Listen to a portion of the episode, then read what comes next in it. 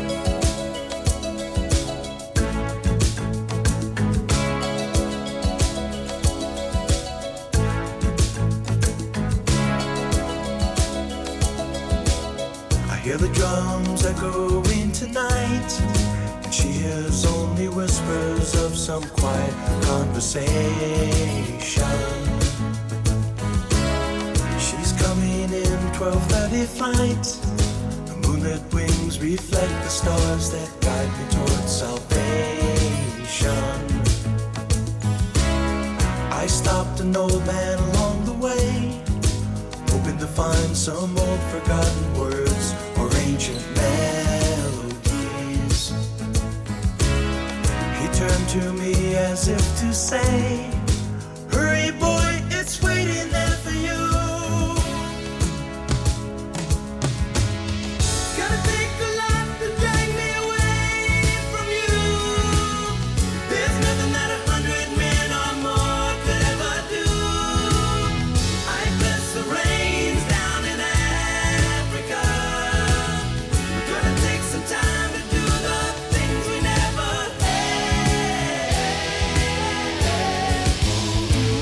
Goedemiddag, hier bij Safari Geheimen op Dorpsradio Laren. Het infotainment safari-reisprogramma waarin we de luisteraars meenemen de lanen uit en de wildernis in. Reis met mij mee naar Safari Afrika en India en kom alles te weten over het maken van reisplannen naar de ongerepte natuur in de bush. Ben jij een echte safari-reiziger en houd jij van het wild in haar natuurlijke habitat? Dan ben je hier in Safari Geheimen natuurlijk aan het goede adres. Mijn naam is Frank Ransijn en ik maak dit radioprogramma en podcastserie Safari Geheimen als inspiratieplatform voor de safari-reisspecialist Safari Secrets. Safari Secrets is een kleinschalig boutique reisorganisatie die safari-reizen aanbiedt in geheel Safari Afrika.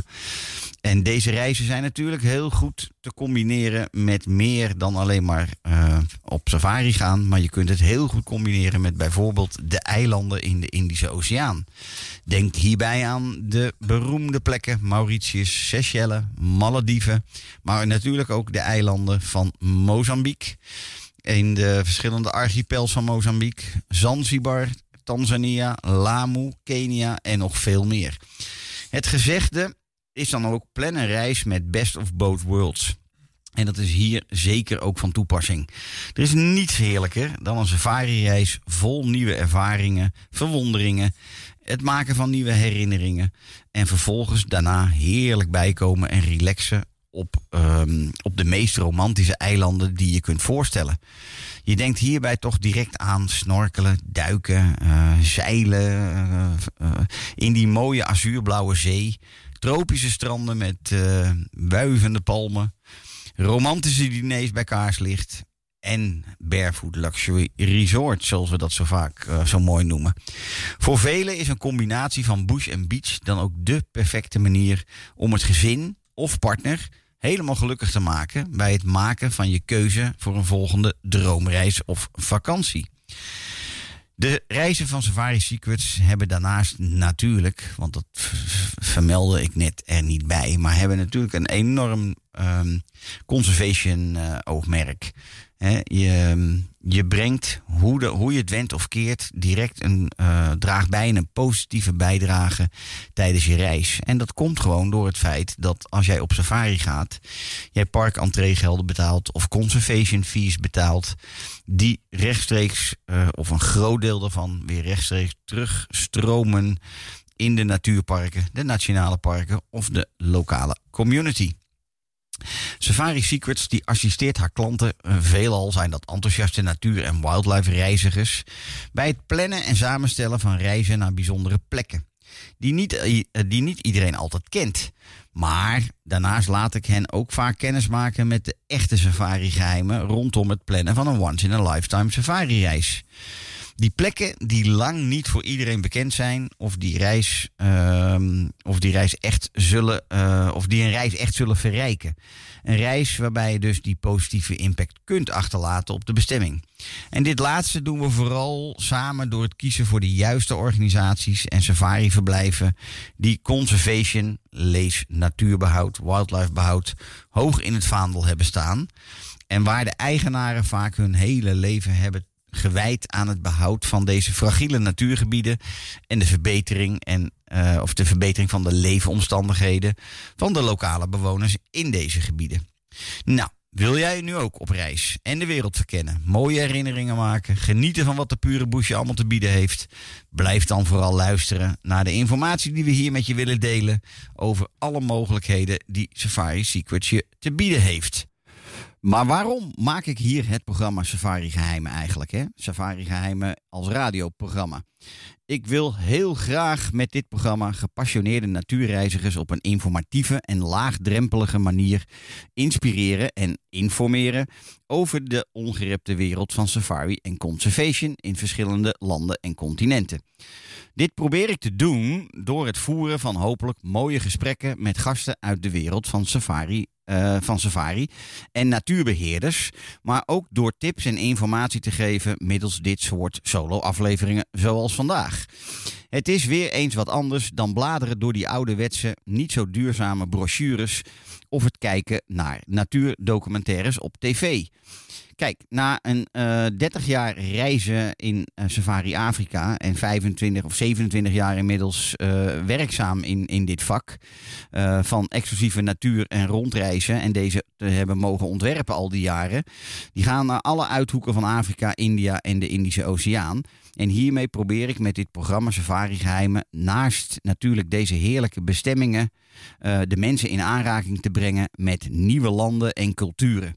En hierbij tevens bewuster te maken van de mogelijkheid op een andere manier van reizen.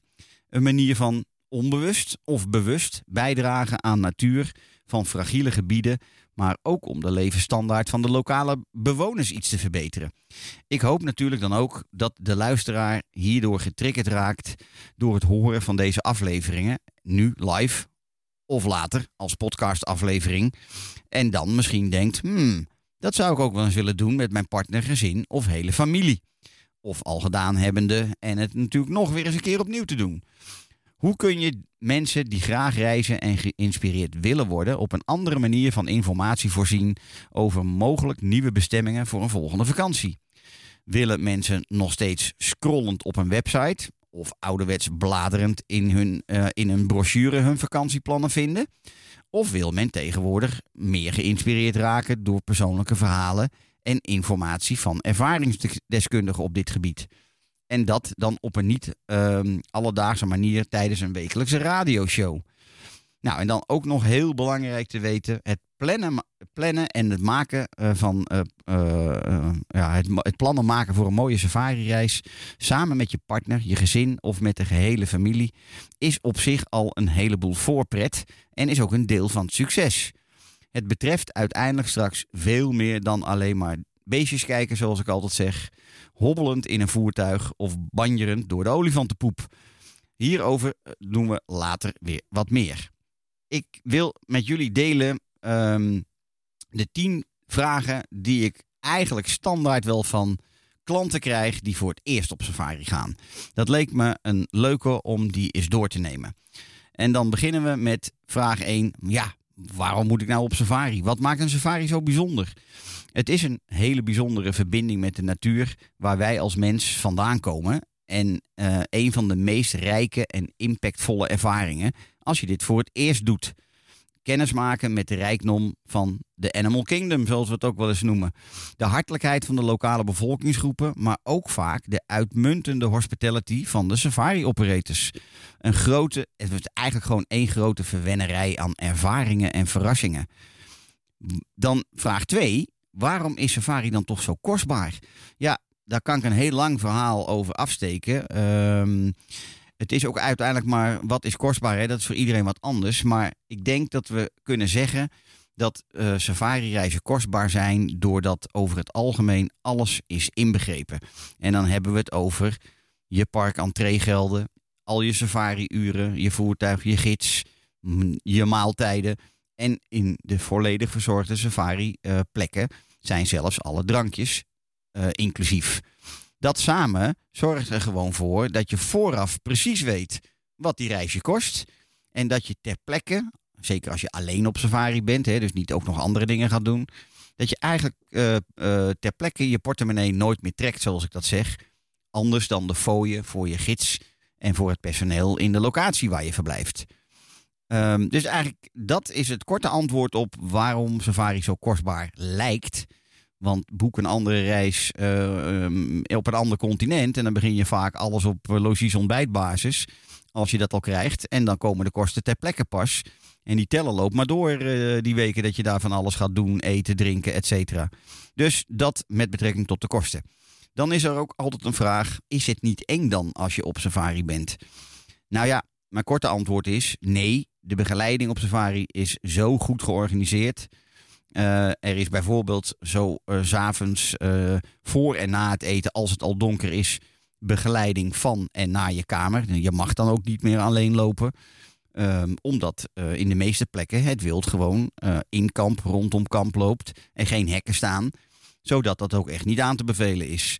Je kamer wordt, je, wordt gecheckt. Hè? Je kamer wordt tijdens jouw diner, wordt je kamer door het personeel altijd gecheckt op um, onaangename gasten. Die zijn er bijna nooit, maar als ze er al zijn, dan wordt het gecheckt. Um, je hebt te maken met uitmuntende gidsen die uh, precies weten wat ze doen, die de lichaamstaal van alle diersoorten goed kennen. Vaak zelfs de specifieke dieren goed kennen, omdat ze leven in een bepaald gebied en ze dus heel vaak tegenkomen. Dus nee, het is niet eng. De kans dat je een slang gaat tegenkomen, zeg ik altijd, is zoiets als het winnen van de, van de loterij. Dat gebeurt helemaal niet zo vaak en niet, uh, niet zomaar. Dus als je hem al tegenkomt, dan hopelijk niet in je kamer, maar gewoon ergens in de vrije natuur. En dan is dat eigenlijk een, uh, een lot uit de loterij. Spinnen en slangen, daar had ik het dus al over. Nou, ook spinnen. Uh, ja, natuurlijk leven de spinnen. En ja, natuurlijk leven de slangen. Ga je ze zien? Nee, zoals ik net al zei. spinnen wel, in allerlei varianten.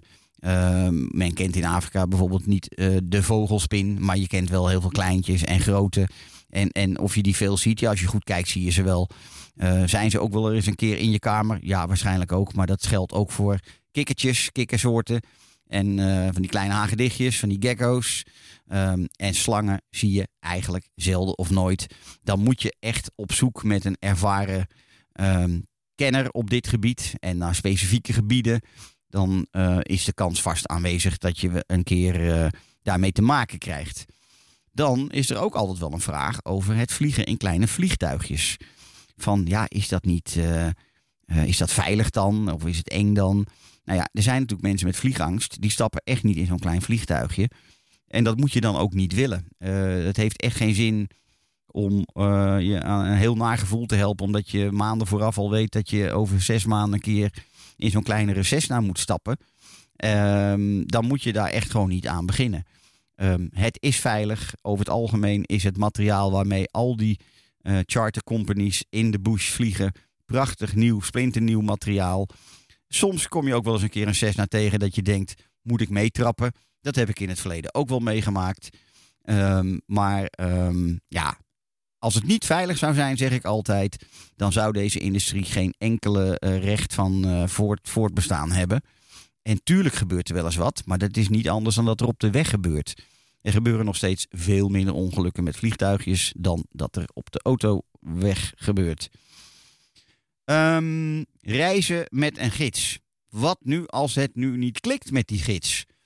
Nou, ook daarin kan ik eh, alleen maar uit al die jaren ervaring uh, zeggen dat het komt gek genoeg zelden voor dat het niet klikt. Dat heeft alles te maken met het feit dat een gids maar één ding wil. Die wil zijn gast het zo naar de zin maken. Ehm, en het liefst geven waar die gast allemaal op hoopt en wat hij verwacht en waar hij van droomt. Zodat hij aan het eind van de trip met die gasten gewoon een goede fooi krijgt. Gidsen werken 9 van de 10 keer met een soort basissalaris. En de rest moet komen van de fooien van de klanten, de gasten. Dus het klikken met een gids. Ja, het heeft al, ik zeg altijd zo, het heeft een uurtje ontdooien en, en snuffelen uh, uh, nodig.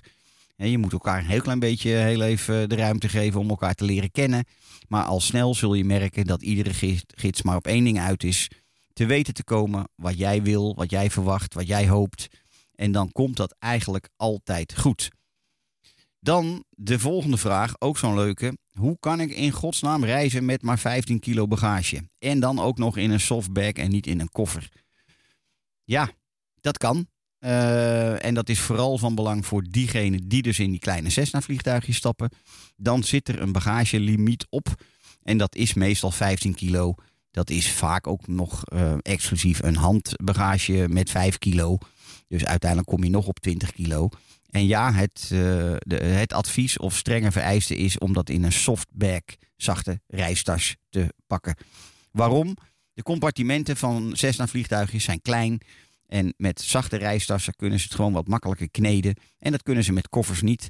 Koffers uh, krijgen heel veel schade al, al, als ze dat op die manier zouden doen. En dus dat is de reden waarom men je verzoekt met fly-in safaris van A naar B in de bush. Dus weinig bagage bij te hebben. Daarnaast, heel belangrijk, iedere lodge waar jij verblijft is een wasservice. Je kunt je kleding iedere dag laten wassen. Volgende morgen ligt het weer droog gestreken op je bedje. En uh, dat betekent vaak dat van die 15 kilo kleding je er 12 nog steeds niet aanraakt.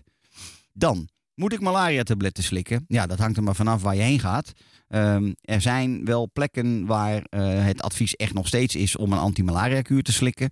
Maar er zijn ook steeds meer plekken waar malaria aan het verdwijnen is.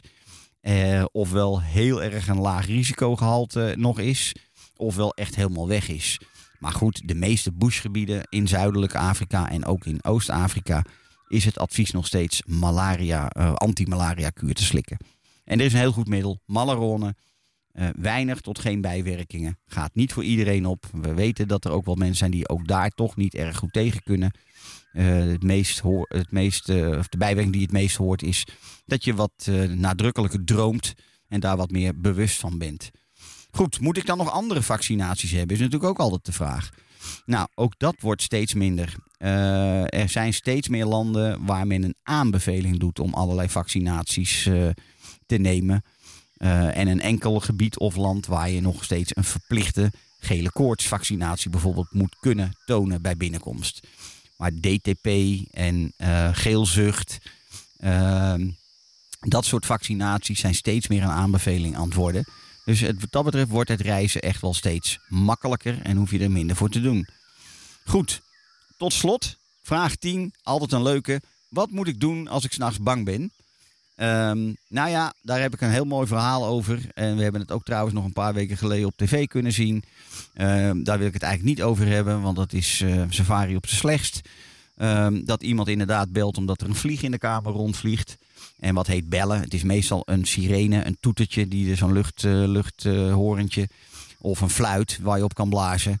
Um, als er al echt iets aan de hand is. En dat is ook eigenlijk de bedoeling. Dat je vooral aan de bel moet trekken, even figuurlijk gesproken. Uh, als er werkelijk iets uh, aan de hand is. Zo ben ik wel eens een keer s'nachts wakker geworden. Uh, omdat ik naar het toilet moest. En dat we een enorme schorpioen in de kamer hadden. Wij op dat moment, want ook schorpioenen zie je niet heel vaak op, op safari. En wij ook niet zo goed wisten wat we moesten doen. Toen hebben wij inderdaad ons horentje gebruikt. En de volgende dag werden we enorm uitgelachen. Um, omdat we ons lesje geleerd hadden. Nou was dit wel heel erg in mijn begintijd. Um, maar in ieder geval, um, er is over het algemeen niets om s'nachts bang van te worden. Dat je onrustig slaapt, ja dat kan. Een eerste nacht. Want ehm, je hoort de bushgeluiden. Zeker als je in een, uh, in een mooie, comfortabele tent bent. Dan hoor je de bushgeluiden. En dat kan je wakker houden. En zeker als er een olifant aan, aan een boom naast je tent staat te knagen. Of een nijlpaard voor je uh, het gras staat te maaien. Tot zover de tien, uh, de, de tien vragen. Dan heb ik ook nog vijf dingen die je vooral niet moet doen wanneer je een safari gaat plannen. Um, en dat zijn echt goed bedoelde adviezen om rekening mee te houden. Mijn eerste advies is: wil gewoon niet te veel zien in een reis en reis dus niet te snel. Je krijgt op deze manier geen enkele binding met de plek waar je bent, of binding met je gids, of binding met het personeel in de safari lodge of tented camp waar je verblijft. Daarnaast leef je, als je dat op die manier doet, uit je tas of koffer als je al niet vliegt. Uh, en krijgt daardoor ook echt heel weinig rust om de ervaringen die je, waarvoor je eigenlijk daar bent, echt goed te laten bezinken en, en uh, te ervaren. Dat is advies 1. En daar is heel veel in veranderd. Hè? Want 25 jaar geleden deden we eh, rondreizen met liefst iedere nacht of iedere twee nachten verplaatsen. Dat is in de huidige tijd echt veranderd. De afgelopen jaren gaan we steeds meer toe naar langzame reizen, longstay safaris. En longstay safaris komt aan het einde van de uitzending nog een keer uitgebreid terug. Tip 2. Vermijd het boeken van safarikampen in hele drukke gebieden. Die bekend staan druk te zijn in bepaalde periodes van het jaar. En dan kun je denken, ja, maar hoe weet ik die dan? Nou ja, als je dat zelf gaat bedenken, is dat ook moeilijk. Maar mijn advies zal toch ook altijd zijn uh, om absoluut te praten met een uh, reisspecialist op dit gebied. Een, een, um, ja, een reisontwerper die ook gewoon weet waar je in terecht komt. En die heel goed kan vertellen waar het wel of niet druk is en wanneer dat wel of niet druk is. Dus um, de bekende gebieden waar het wel eens druk kan zijn. En vooral in de schoolvakantieweken, want zo moet je het ook wel zien. Dat zijn echt de drukste weken. Juli, augustus, december. Tegenwoordig ook steeds meer natuurlijk de meivakantie. Alhoewel dat nog heel erg meevalt. Uh, maar Zuid-Afrika, uh, het Kruger National Park in Zuid-Afrika. Ja, als je in het openbare park gaat rondrijden met je eigen huurauto. in die maanden die ik net noemde. dan is het daar wel redelijk druk. En druk is ook weer een relatief begrip. Uh, maar dan ben je echt niet alleen. Hetzelfde geldt voor bijvoorbeeld de Masai Mara Game Reserve in juli, augustus. Wanneer de grote migratie van de 2 miljoen wildebeesten en zebra's uh, in, in de Masai Mara zijn. En iedereen maar hoopt dat hij uh, een keer mag zien dat er uh, duizend of tienduizend wildebeesten een rivier oversteken. Dan kun je het wel treffen, ja, met honderd voertuigen opgelijnd aan een rivier. Vind je dat nou niet de, the way to go voor een safari? Um, dan moet je dat soort gebieden echt vermijden en laat je daarover goed informeren. Nou, tip 3. Combineer niet al te veel regio's heel erg ver uit elkaar. En waarom niet? Dat heeft echt wel ook te maken met kosten. De logistieke vliegkosten worden gewoon echt heel hoog. En de reistijd wordt natuurlijk alleen maar langer. Je houdt netto veel minder tijd over om te genieten waarvoor je er eigenlijk bent. Beetje in aansluiting op advies 1. En vergis je niet, hè, want uh, Afrika is zo ongelooflijk groot. En je wil niet weten hoe vaak mensen zeggen: Nou ja, een paar dagen naar de Okavango-delta. Een paar dagen naar de, de zandduinen in Namibië. Een paar dagen in Zuid-Afrika uh, voor, uh, voor weer iets anders. Dat kan allemaal, maar zorg dan dat je genoeg dagen hebt op, op die plek waar je naartoe vliegt. En realiseer je dan dat al die vliegkosten uh, en tijd en geld kosten. Goed, tip 4. Vermijd hele lange transfers over land die niet per se noodzakelijk zijn. Soms is een voertuig met gids die twee dagen. De, de, soms is een voertuig met gids kostbaar, omdat die gids dan uh, twee dagen weg is. Als het een lange transfer is die bijna een dag duurt, kan hij niet s'avonds terug. Moet hij overnachten en moet hij de volgende dag terug. Dat is veel duurder, over het algemeen, dan op dat moment een lijnvluchtje met zo'n Cessna vliegtuigje te boeken. Waarin je in anderhalf uur vliegt van A naar B. Of zelfs een uh, regionale vlucht, bijvoorbeeld van Kaapstad naar Victoria Falls. Ja, dan ben je even goed hoor, al met al bij elkaar ben je zo vijf, zes uur verder. Met uh, voor, je, voor je vlucht aanwezig zijn, op de nieuwe bestemming weer door de, die, de, door de douane heen moeten, naar je hotel moeten of safari lodge. Dus dat, het vreet allemaal tijd. Tip 5. Boek zo min mogelijk safariplekken met een heel klein grondgebied. Of gebieden waar heel veel lotjes hetzelfde grondgebied met elkaar delen. Ehm, ook dat is weer eentje. Ja, die kun jij zelf als je aan de gang gaat. Als hobbyist. Wat heel veel mensen doen. En dat is ook helemaal prima dat ze dat zelf doen. Maar die, die weten dat niet. Uh, dus ook hierin een, een, een uh, reisorganisatie zoals Safari Secrets of andere. Hè, je, jouw vertrouwde uh, reisadviseur op dit gebied. Die weet jou prima te vertellen waar dit het geval is. Zo zijn er echt regio's waar zoveel lotjes op een heel klein grondgebied zitten. Dat je bij iedere mm, bijzondere wildlife uh, observatie, sighting, uh, met zomaar uh, meerdere voertuigen staat en het elke keer een gedoe is. Ehm, vaak zijn er dan wel regels van of drie of vijf voertuigen maximaal. En, en dan moet je eerst even van afstand wachten tot er één weggaat en dan mag jij erin, bla bla bla. Um, er zijn gewoon heel veel plekken waar je dit probleem helemaal niet aan de hand hebt. Tuurlijk, die plekken zijn vaak wel wat duurder, want hoe minder mensen en dus ook hoe minder voertuigen, um, ja, hoe duurder het wordt. En vooral de privé uh, conservancies, privé-reservaten, laten we ze op z'n Hollands noemen. Uh, met vaak maar één of, of wel meerdere lotjes. Maar die hebben dan gewoon afspraken over de hoeveelheid voertuigen. En wie welk deel van het, het reservaat uh, beslaat. Zodat je elkaar amper of niet tegenkomt. Ik zeg, we gaan luisteren naar een lekker liedje. En daarna komen we weer terug. Yeah. It's rough for the money come my way. Go. Obi Antone Coalition. We'll be on a coalition. Nah. Yeah, be you'll be on a coalition. What else? God, eh? Huh? We'll be on a coalition. With? Be on a coalition. Abba. We'll be on a coalition. Nah. Go, go, go, go, go. Yeah. Memma wo nipa bi mbu abomfia. Ahopoprɔ mu yɛ nyina bo ho ntia. Ɔyɛ wo tamfo gya no ma nwia. Yɛ mboa mu a mu nsi na bo mpia. Sɛ wopɛ mmoa ne ɔmɛ nyinaa na nyame ne awaka no na ɛbɛbrɛ mu sɛ woma wo sa soa bepɔ nyina tutu So my party don't lose God, can't walk home out yeah. Everybody singing hallelujah, hallelujah. Everybody singing hallelujah, hallelujah. Make we sing oh, oh yeah, yeah. I say help me sing oh na mo fi sɛ mɛhwe ase mekɔɔyɛ masamba.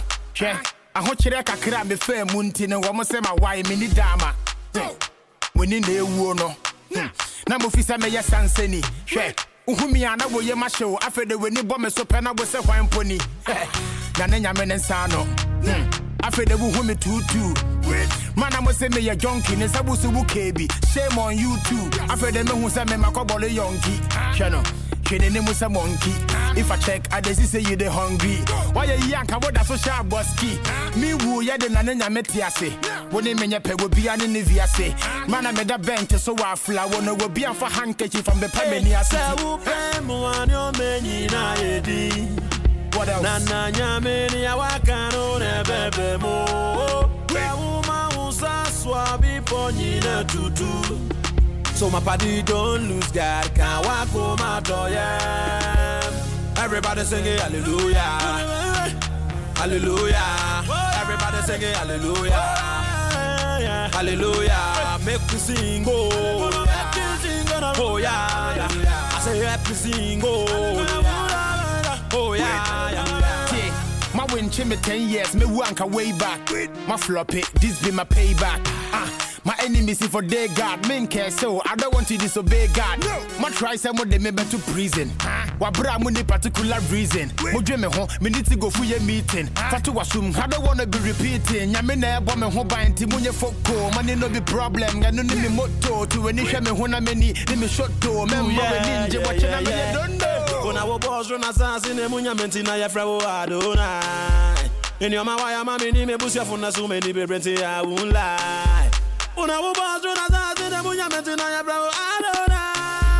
In your mama ya mamini me push ya fonina. Ooh ooh ooh, body. If she run away, she me. Se body. Mi uri ya me infana wa sireje. Papa body. Why am I gasia me da?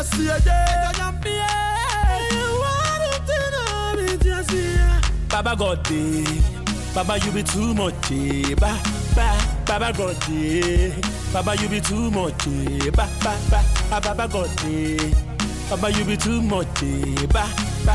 Baba God day, Baba God day, Baba God day, Baba God. Say who pay mo an yo me na edi. Goed, we zijn weer terug bij Safari Geheimen. En ik wil jullie vandaag iets vertellen over de cheetah.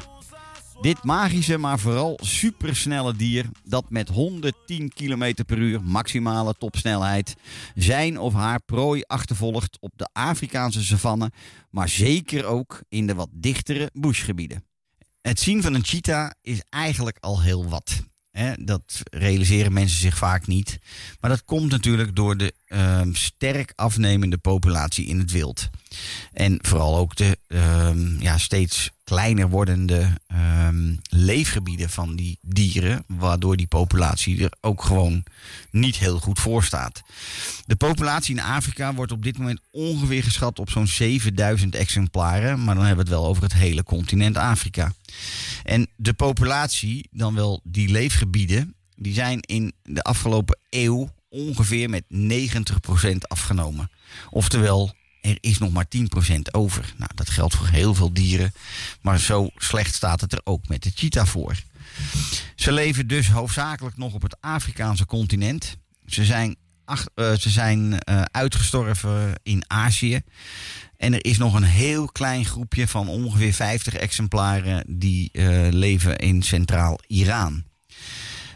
Maar er gloort echter ook wel hoop aan de horizon voor bijvoorbeeld India. Waar men al meer dan 13 jaar bezig is met de herintroductie van cheetahs. Die komen dan uit Afrika.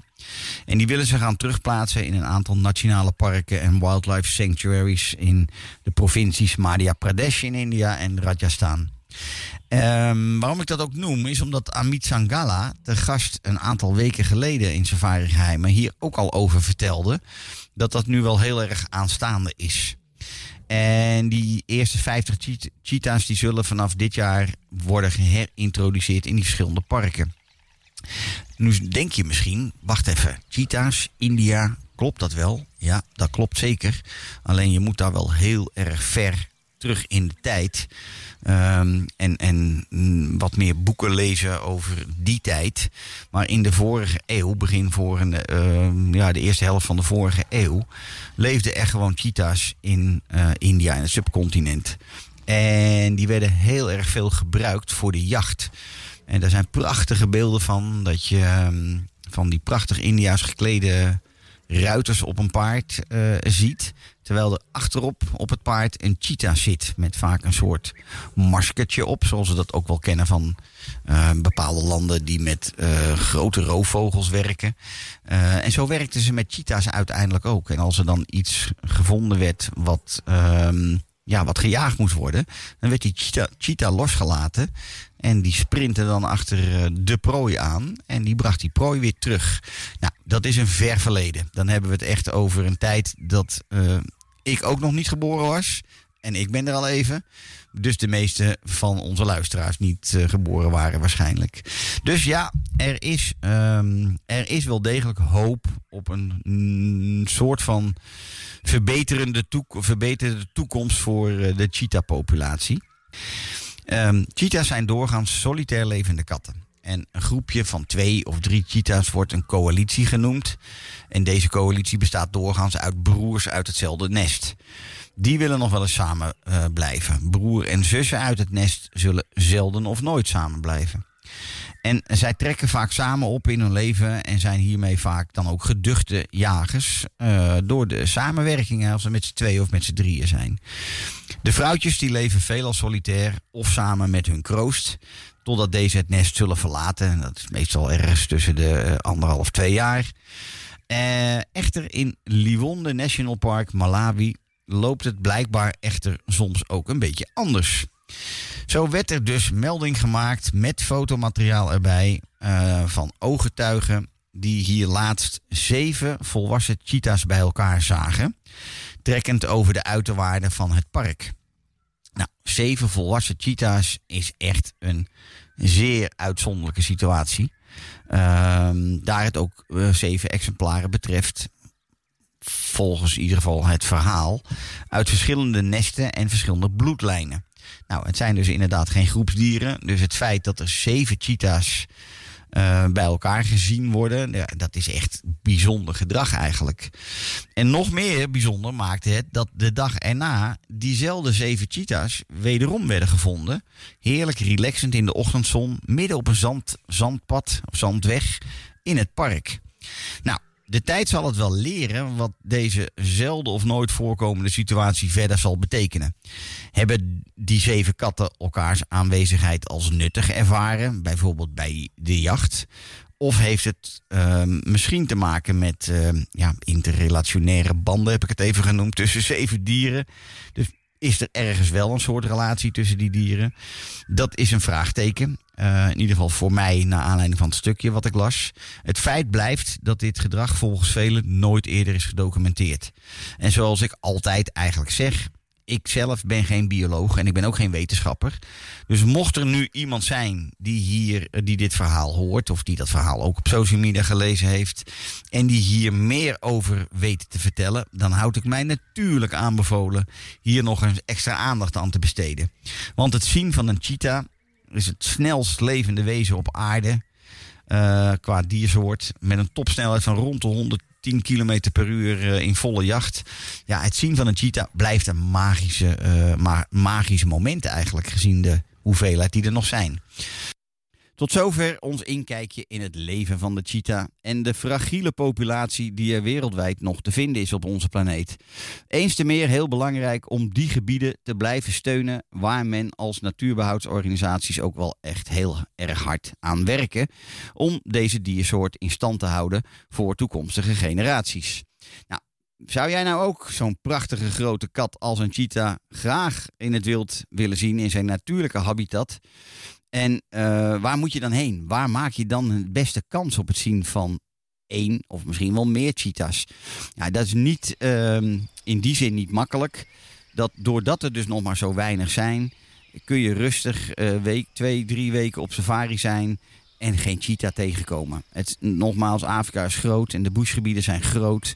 Uh, met, en met lage aantallen is het echt op het juiste moment op de juiste plek zijn. Um, en dan het geluk gewoon hebben dat je zo'n cheetah tegenkomt.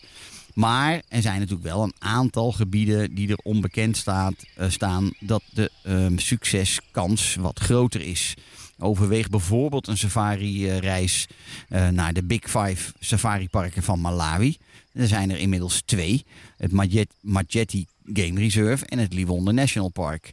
Hier heeft in de afgelopen jaren een van de grootste natuurbehoudorganisaties, African Parks, weer terug uitgezet vanuit andere delen in Afrika. En de succesgraad van het zien van die cheetahs al daar is best wel goed. Um, nou, uh, daarnaast is Malawi ook nog eens een keer een ontzettende mooie safari-bestemming. Waar je zowel land- als wateractiviteiten kunt ervaren. In ieder geval in het Liwonde National Park. Um, en dat ook nog eens voor een veel lagere prijs dan alle omringende safari-landen. Dus Malawi is, wat ik eigenlijk ook wel mee, mee wil zeggen, absoluut een land om te overwegen. Met dus Big Five safari-gebieden en dus ook die cheetah. Een andere plek met een goede kans is natuurlijk, zouden de kenners zeggen, um, de het, Masai, of het Mara Serengeti ecosysteem. Dat, die twee parken zitten aan elkaar vast. De grens van Tanzania-Kenia loopt daar dwars doorheen. Um, en dat zijn natuurlijk de uitgestrekte grasvlaktes, waar de kansen ook ietsje groter zijn. En dat heeft vooral te maken met de openheid van die uitgestrekte vlaktes. Want um, hele grote gebieden, uh, daar staat heel weinig begroeiing. En dan is het van verre, van kilometers afstand zien van een reddende uh, cheetah, is soms gewoon mogelijk. Uh, en waar je het ook op die vlaktes vaak aan kan herkennen is dan rij je daar rond en dan zie je op een gegeven moment uh, stipjes uh, stilstaan. En dan zie je nog meer stipjes erbij komen en stilstaan. Nou, dan weet je vaak al dat het iets bijzonders is. En zijn het of leeuwen of luipaard of uh, cheetah. Um, dus het, het, het vinden van een cheetah in die regio geeft ook wat meer kansen. Maar je kunt rustig twee weken rondrijden daar en geen cheetah vinden. Um, Nou, en tot slot kun je ook nog je geluk beproeven in bijvoorbeeld Moremi en Okavango Delta van Botswana. Uh, die, staan, uh, die gebieden staan ook wel bekend op een uh, nou, re redelijk goede kans op het zien van cheetah. Of tot slot in de Private Game Reserve van Zuid-Afrika. En dan hebben we het vooral over die, de plekken zoals uh, alles, alle privé safariparken aan, aan de rand van Kruger. Uh, die gebieden zijn wat kleiner en daarmee verhoog je ook weer de succesgraad van het vinden van, van dit soort katten. De katten zijn vaak wat meer gewend aan de voertuigen, omdat de gebieden kleiner zijn, komen ze ook meer voertuigen tegen. En dus dat verhoogt dan weer je kans op. Safari Secrets helpt jou natuurlijk heel graag verder bij het plannen van een reis waarbij jij dit, dit dier of, een, of andere diersoorten die je heel graag zou willen zien, ook misschien echt live mag observeren. Garanties zijn er helaas nooit, want het is en blijft de natuur die zich gelukkig niet laat dwingen. Nou, dan uh, het volgende onderwerp waar ik het uh, heel even over wil hebben is longstay safaris. De voor- en nadelen. Waarom? Nou ja, omdat we zien dat er in post-corona een veranderend uh, gedrag is bij reizigers. En deze trend die had zich al wel ingezet voordat uh, corona begon. Maar we zien nu meer en meer dat de echte reisspecialisten dit ook steeds meer en meer adviseren aan hun klanten. Maar waarom dan eigenlijk? Hè? Wat, wat, wat is het voordeel van, uh, van oudsher? Waren we nogal gewend, in, zeker in dit soort ja, type rondreizen in, in landen waar ook ter wereld. Om iedere twee, twee nachten vaak uh, verder weer te verkassen naar een volgende plek. Want we willen namelijk zoveel mogelijk zien van het land waar we naartoe reizen. Nou, dat is wel een beetje veranderd. Uh, en het is deels ook wel mijn persoonlijke gedachtegang rond deze ontwikkeling. Uh, maar de afgelopen jaren voelen we eigenlijk met of zonder advies van reisspecialisten. Um, ja, dat mensen gewoon uh, ja, het, het, reisgedrag verandert. Maar wat is een longstay safari eigenlijk? Nou, in mijn beleving een verblijf van minimaal vijf tot acht nachten op één en dezelfde plek in de bush. Of in de natuur, of waar dan ook. Hè? Maar goed, we hebben het nu over safari reizen. En heel belangrijk hierbij is dat dit een plek betreft waar je, naar mijn mening, voldoende variatie moet kunnen aanbrengen in je verblijf met betrekking tot activiteiten, de verschillende safarivormen. Het grond- of natuurgebied groot genoeg is zodat je eigenlijk alle dagen die je daar bent kunt blijven exploreren en verkennen. En je dus niet iedere dag hetzelfde rondje op de vierkante kilometer rijdt. Dat is dan wel heel belangrijk, denk ik. Um, een plek waar je je rust kunt vinden door er langer te zijn. En of andere invullingsmogelijkheden te kunnen uh, benutten. En hierbij mag je dan uh, denken aan bijvoorbeeld uh, het wat meer betrokken raken bij verschillende community projecten. Community gerelateerde projecten of bezoeken. of natuur- en wildlife behoudprojecten. veldstudies. maar ook de nieuwe termen van de laatste tijd. Staycation en workation. en um, ja, plek waar je gewoon langer verblijft. Omdat je en daar gewoon je werk kan uitoefenen. Online vaak. Um, en uh, staycation, een plek waar je inderdaad lang kan verblijven. En daarnaast ook een beetje vakantie kan vieren.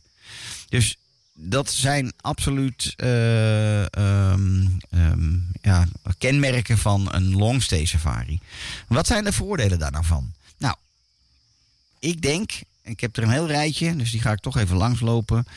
Um, je krijgt meer binding met de plek waar je verblijft. Je gaat het gehele ecosysteem veel meer begrijpen en ook ervaren doordat je langer verblijft. En daardoor zal ook je gids met wie jij dagelijks in contact bent en op safari bent, of dat nou te voet is of een voertuig of een boot of wat dan ook, die zal veel dieper kunnen ingaan in het verbanden leggen tussen de informatie die hij tijdens je gehele verblijf geeft. Bijvoorbeeld op dag 4 kan hij iets laten zien waar hij misschien op dag 1 of 2 al wel over heeft verteld, maar dat op dat moment niet echt zichtbaar meegemaakt wordt. Je verblijf wordt een stuk rustiger, waardoor jij als gast ook veel meer relaxed bent, minder opgejaagd bent, om altijd maar alles weer in die twee, drie dagen te moeten proppen en te moeten zien en ervaren. Een ander groot voordeel is dat je bij een longstay eigenlijk vaak je tas of koffer gaat uitpakken. Omdat je niet over anderhalve dag alweer vertrekt. Dat, dat alleen al geeft rust. Er is meer relatieopbouw dus met die gids, zoals ik net al zei. Maar er is ook meer relatieopbouw met personeel, met de managers. Ehm, je leert elkaar gewoon allemaal wat beter kennen. En dat is over het algemeen, denk ik, een verrijking eh, ten opzichte van een verblijf van twee nachtjes. Hè, dat betekent vaak één volle dag.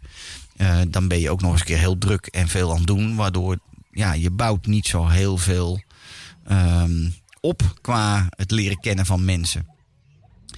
Dan uh, je krijgt bij een langer verblijf veel meer achtergrondverhalen vanuit de bush, maar ook vanuit de gidsen. Uh, je krijgt meer uh, mee vanuit de leefomstandigheden van het personeel, die vaak uit nabijgelegen dorpen komen. Um, heel belangrijk, zeker voor ons als Nederlander. Hè, wij zijn altijd wel een beetje van het geld. Um, ergens lang blijven betekent gewoon veel minder logistieke kosten maken door minder verplaatsingen. En die verplaatsingen in een rondreis, reis, die bestaan natuurlijk bijna altijd uit per voertuig of per vliegtuig. Ja, dat kost gewoon allemaal geld. En dus veel langer op een plek blijven scheelt heel veel kosten die je beter weer kunt uitgeven aan de dingen waar het echt om gaat tijdens deze reis. Waarvoor je in Afrika of India of Zuid-Amerika, waar je ook in de natuur bent, waar, waar, waarvoor je daar bent. Het minder najagen van bepaalde diersoorten wanneer je iedere twee, drie dagen verkast, zeg ik altijd maar zo. Dat is namelijk wat er gebeurt. Um, want dan wil je die cheetah zien, maar die heb je hier niet gezien. Dus nou, hopelijk zien we hem op de volgende plek. En hopelijk zien we hem op de volgende plek. Dat kan eindigen in na één of twee weken dat je het uiteindelijk nooit gezien hebt. En ik zeg dan ook altijd: blijf een week op een goed gekozen plek in de bush en alles komt vanzelf naar je toe. Die wilde hond, of dat luipaard, of die speciale vogel, die laat zich een keer zien. Dat werkt gewoon zo als je daar wat langer blijft. Natuurlijk, je zult nooit alles zien wat je misschien vooraf wenste. Maar zeker weten dat 80, 90 procent van je wensen vervuld worden. Ik hoop dat dit waardevolle informatie is voor diegenen die, die hier nooit zo over nagedacht hebben. Maar die inderdaad denken, hmm, daar zit misschien wel wat in. Nou, ik hoop dan altijd maar weer zo dat dat nou de safari geheimen zijn waar um, ik na 30 jaar reizen en in dit vak zittende dan ook um, ja, zo wat over kan vertellen. Zijn er ook nadelen aan longstay specials? Ja, natuurlijk, die zijn er ook wel. Uh, ik denk dat het te minder zijn. Maar het is heel belangrijk dat je overtuigd bent van het gebied en van de gidsen en van het wildlife, van de keuken en van de service, van de plek waar je dan uiteindelijk voor kiest. Want ja, bij een verkeerde keuze in, op dit vlak is natuurlijk een verblijf van vijf nachten of langer heel vervelend en soms ook gewoon heel kostbaar. Dus des te meer heel belangrijk dat je die plek goed kiest, wel overwogen kiest. Um, en en uh, gebruik daar echt een um, safari-expert of een reisexpert op dit vlak voor die aan de hand van jouw wensen dat ook exact kan, uh, of in ieder geval die de best mogelijke gooi kan doen naar de beste plek voor zo'n longstay special.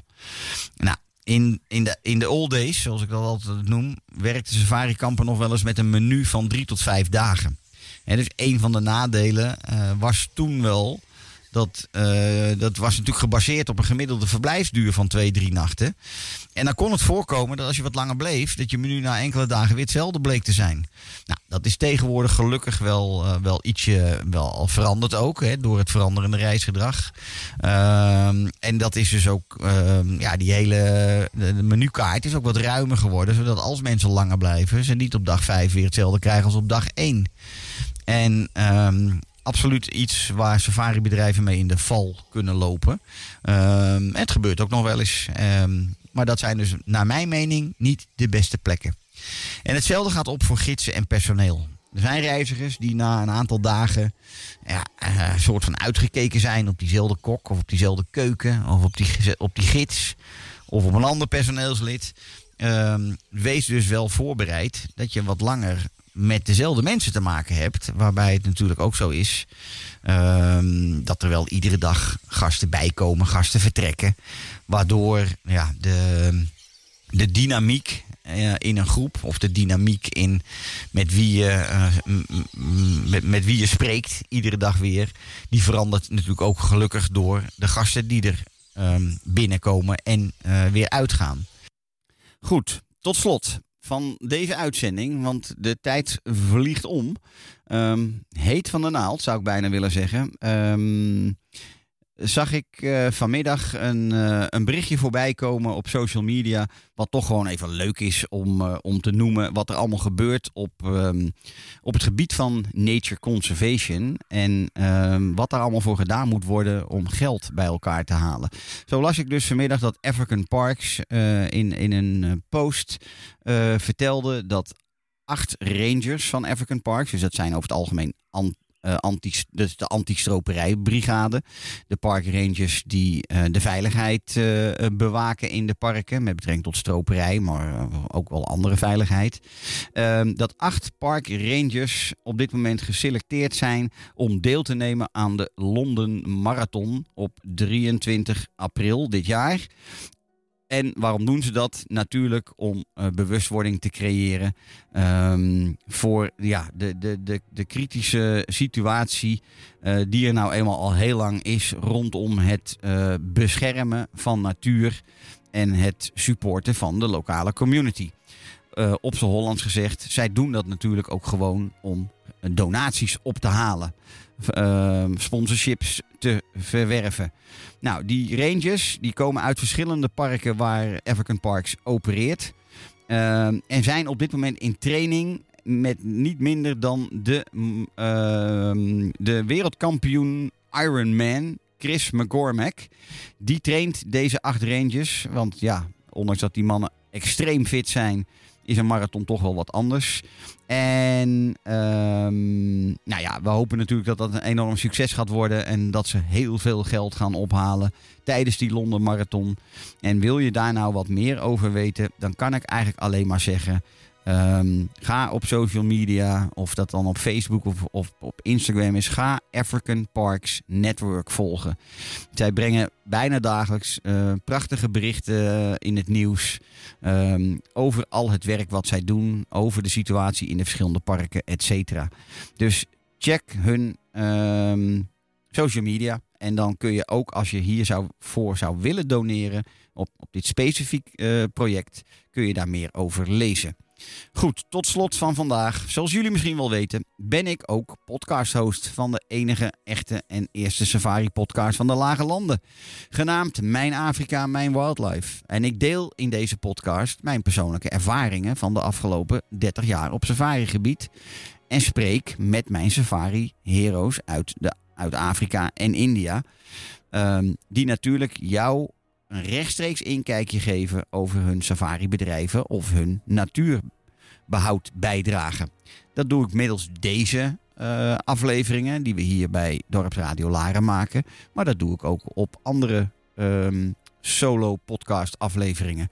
Ik hoop op deze manier toekomstige reizigers te inspireren en hou vast te geven in wat nou te doen bij het plannen van een natuur- en wildlife reis en waar dan goed op te letten. Nou, het maken van de juiste keuzes en het krijgen van de best mogelijke advies is hierbij onontbeerlijk wat mij betreft. Alle afleveringen die wij hier opnemen of die gepubliceerd worden op de ehm, podcastserie Mijn Afrika, Mijn Wildlife, die kun je terugvinden op de favoriete podcast apps zoals Spotify, Google en Apple Podcast. En daarnaast vind je alle afleveringen ook op de website van safarisecrets.nl. Wil jij altijd al eens op safari met jouw geliefde, jouw gezin of met de hele familie omdat er iets heel bijzonders te vieren valt? Dan help ik je natuurlijk heel graag verder. Je kunt dan gewoon een mailtje sturen naar info@safarisecrets.nl of bel gewoon of WhatsApp mij op 06 24 732 882. Ik wens jullie een fijne avond. Tot de volgende keer.